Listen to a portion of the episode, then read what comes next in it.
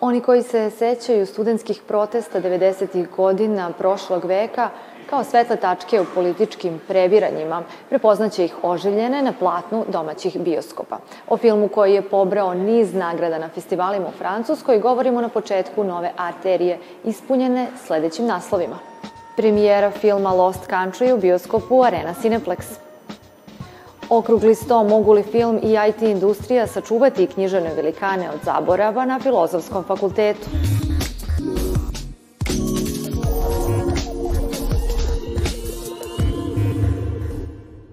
Posle srpske premijere na 29. festivalu autorskog filma, zvanični početak distribucije ostvarenja Lost Country reditelja i scenariste Vladimira Perišića obeležen je projekcijom u Novom Sadu. O filmu koji je pobrao ogromne simpatije publike najpre u inostranstvu razgovaram sa rediteljem Vladimirom Perišićem i glumcem Borisom Sakovićem. Dobrodošli u Arteriju. Dobro večer. Posle 28 godina pauze, film je doneo prvu zvaničnu nagradu srpskoj kinematografiji na ovogodišnjem Kanskom festivalu, a doživao je i veliki uspeh u toj zemlji. Koje ključne teme su posebno dotakle gledaoce u Francuskoj? Mladi Jovan Ginić, koji je neprofesionalni glumac, je dobio nagradu za, za najbolji glumca. I to je posle Underground opera zvanična nagrada za, za srpski film igrani u, u dugometražnju kanu.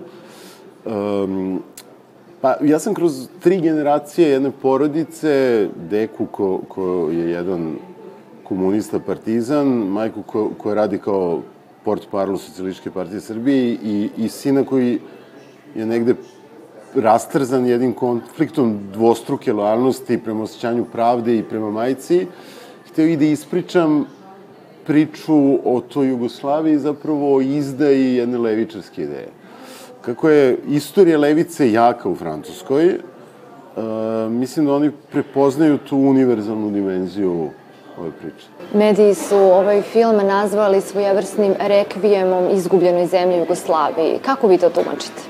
Da, mislim da, da, da, da ima, da je film obojen jednom emocijom žala za, za, za tom velikom zemljom koju smo izgubili ulo, filmu glumite epizodnu ulogu nastavnika glavnog junaka. Koliko je bila odgovornost vašeg lika u njegovom formiranju?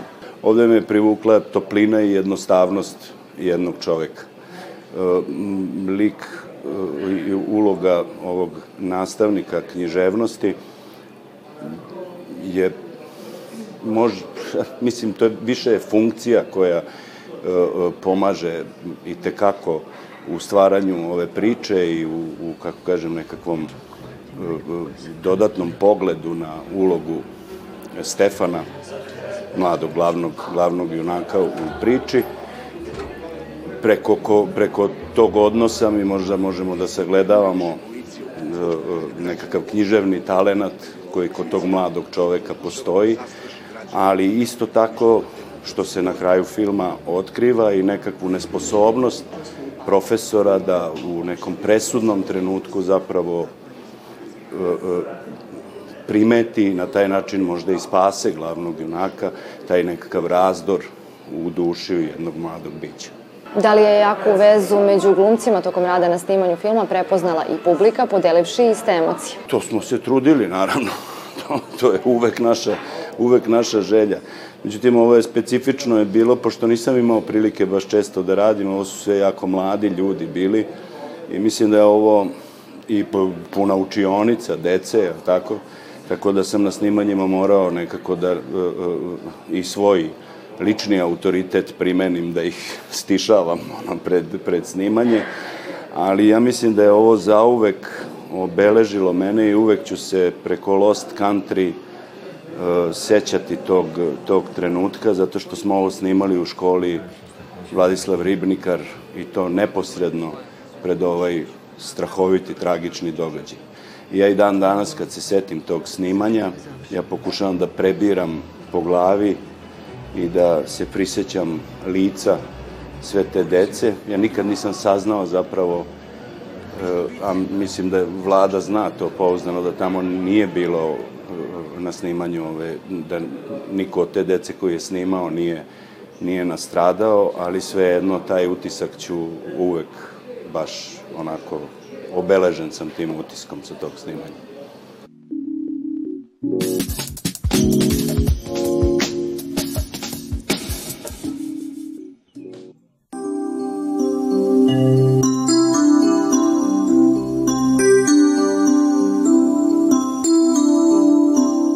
Jedna od najznačajnijih boja u istoriji, naročito vizantijske umetnosti, vizantijsko plava, poslužila je kao naziv kultnog jugoslovenskog filma Vizantijsko plavo reditelja Dragana Marinkovića iz 1993. godine. Tri decenije nakon premijere ostvarenja, a pet decenija nakon što je objavljena priča Milorada Pavića Wedgwoodov pribor za čaj, po kojoj je scenariju za film i nastao, na Filozofskom fakultetu u Novom Sadu održana je tribina na temu Mogu li film i IT tehnologije sačuvati od zaborava književne velikane? Književnost i film su različiti medijum i oni imaju svoje zakonitosti. E, film uzima od književnosti obično narativ, okvir, priču. I to je uradio ovaj film. Mislim, film je dodao mnogo toga u odnosu na priču. Priča je vrlo kratka, ona ima nekoliko stranica. I taj osnovni zaplet je preuzet u filmu. Ali ono što je u tom filmu zapravo, barem po meni, ono što je dobro, su upravo ono što, oni elementi filmskog jezika. Nakon okruglog stola prikazano je i remasterizovano izdanje filma, čiju muziku potpisuje veliki Radomir Mihajlović Točak, a u kom je izuzetnu glavnu ulogu Lize ostvarila glumica Katarina Žutić. Sa ove distance meni nekako uh, još više deluje da ima smisla zato što uh, ne samo zbog tematike koja je naravno večna odnos Evrope i Balkana, nego i, nego i zbog uh, Zbog toga što sada, već sa ovim godinama koje imam, ja nekako uh, uviđam tu sličnost između likovnosti uh, i Pavićeve, pa da mogu slobodno da kažem, poezije. Uh, nekako, je, nekako mi je to uh, zapravo još, jedan, uh, još jedna stvar koju tada kad sam bila mlada nisam uopšte mogla da, da pojmim. O filmu, koji je na velika platna preslikavao magiju realizma, govorio je i producent Dejan Vražalić. Mislim da je to jedan od najlepše snimljenih uh, filmova, pa čak u jugoslovenskoj kinematografiji i, i pokojni Peda Todorović zaslužuje da mu se film, taj rad, ponovo osveži, da nova publika, nova generacija gleda. Priča o ljubavi dvoje mladih koji pripadaju različitim sredinama te potraga za rešenjem tajnog četvrtog elementa egipatski plave boje srednjovekovnih ikonopisaca, film Vizantijsko plavo, ali i priča Milorada Pavića dokaz su da sa ili bez IT tehnologija ni književni ni velikani sedme umetnosti neće i ne smeju biti zaboravljeni.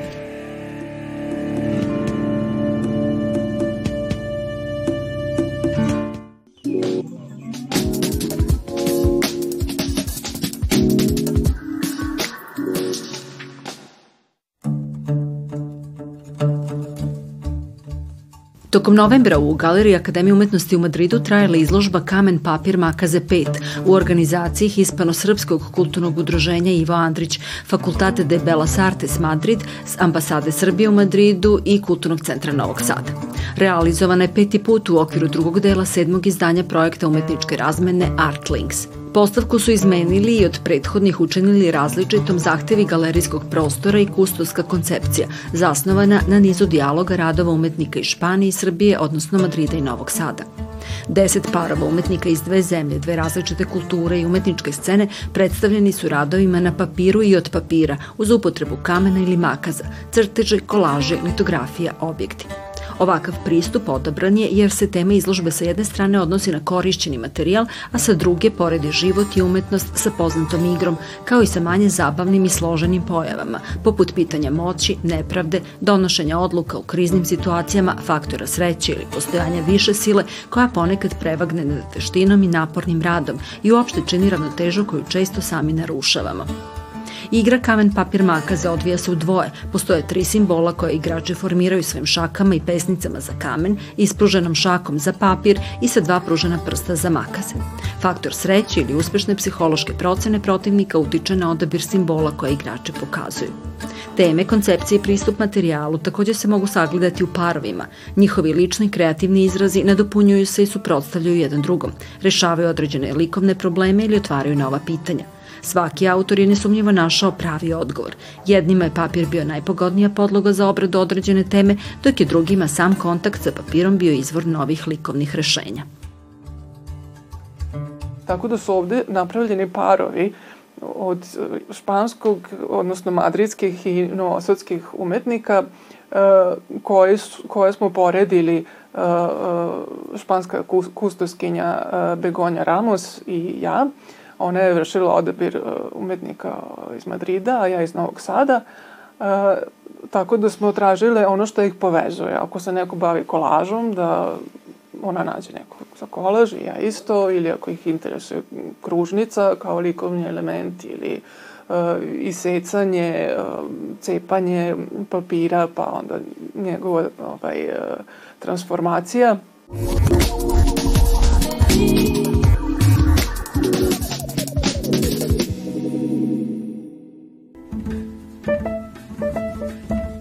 U izboru za najart novembre našla su se tri predloga. Jubilarni 25. Novosadski jazz festival pružio je publici priliku da uživa u osam vrhunskih koncerata u pozorištu mladih, poput kvinteta Kenija Gareta, proslavljenog saksofoniste, kompozitora i aranžera, ili maestralnog kubanskog pijanista i kompozitora Alfreda Rodrigueza.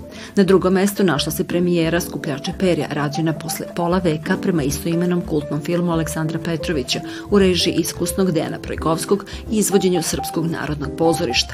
Reditelj predstavu definiše kao himnu slobode do koje se uvek stiže usled zatvora pred sobstvenim očima.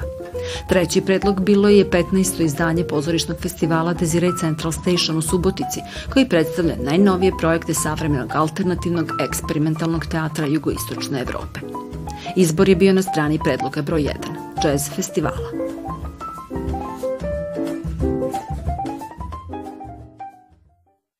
Na današnji dan, 30. novembra 1957. godine, upokojio se čuveni slikar Paja Jovanović.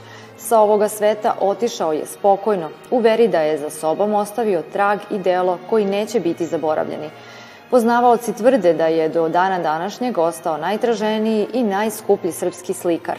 Izložbi i slika neobičnog formata Paja Jovanović i Gustav Klimt, jedna epoha, dva umetnika, tri muzeja, koja je pod krovom Galerije Matice Srpske na čudesan način spojila Klimtov svet od zlata, simbol Beča, sa stvaraličkim impulsima jednog od najznamenitijih predstavnika srpskog realizma, posvećeno je novo izdanje emisije Matica Srpska autora Sofije Ljukovčan. Novu maticu emitovaćemo u 22.50 na našem prvom programu. Povodom 75 godina od osnivanja Gradskog muzeja sutra će biti otvorena izložba akvizicije Gradskog muzeja sa posebnim osvrtom na njegove darodavce. Prijetno!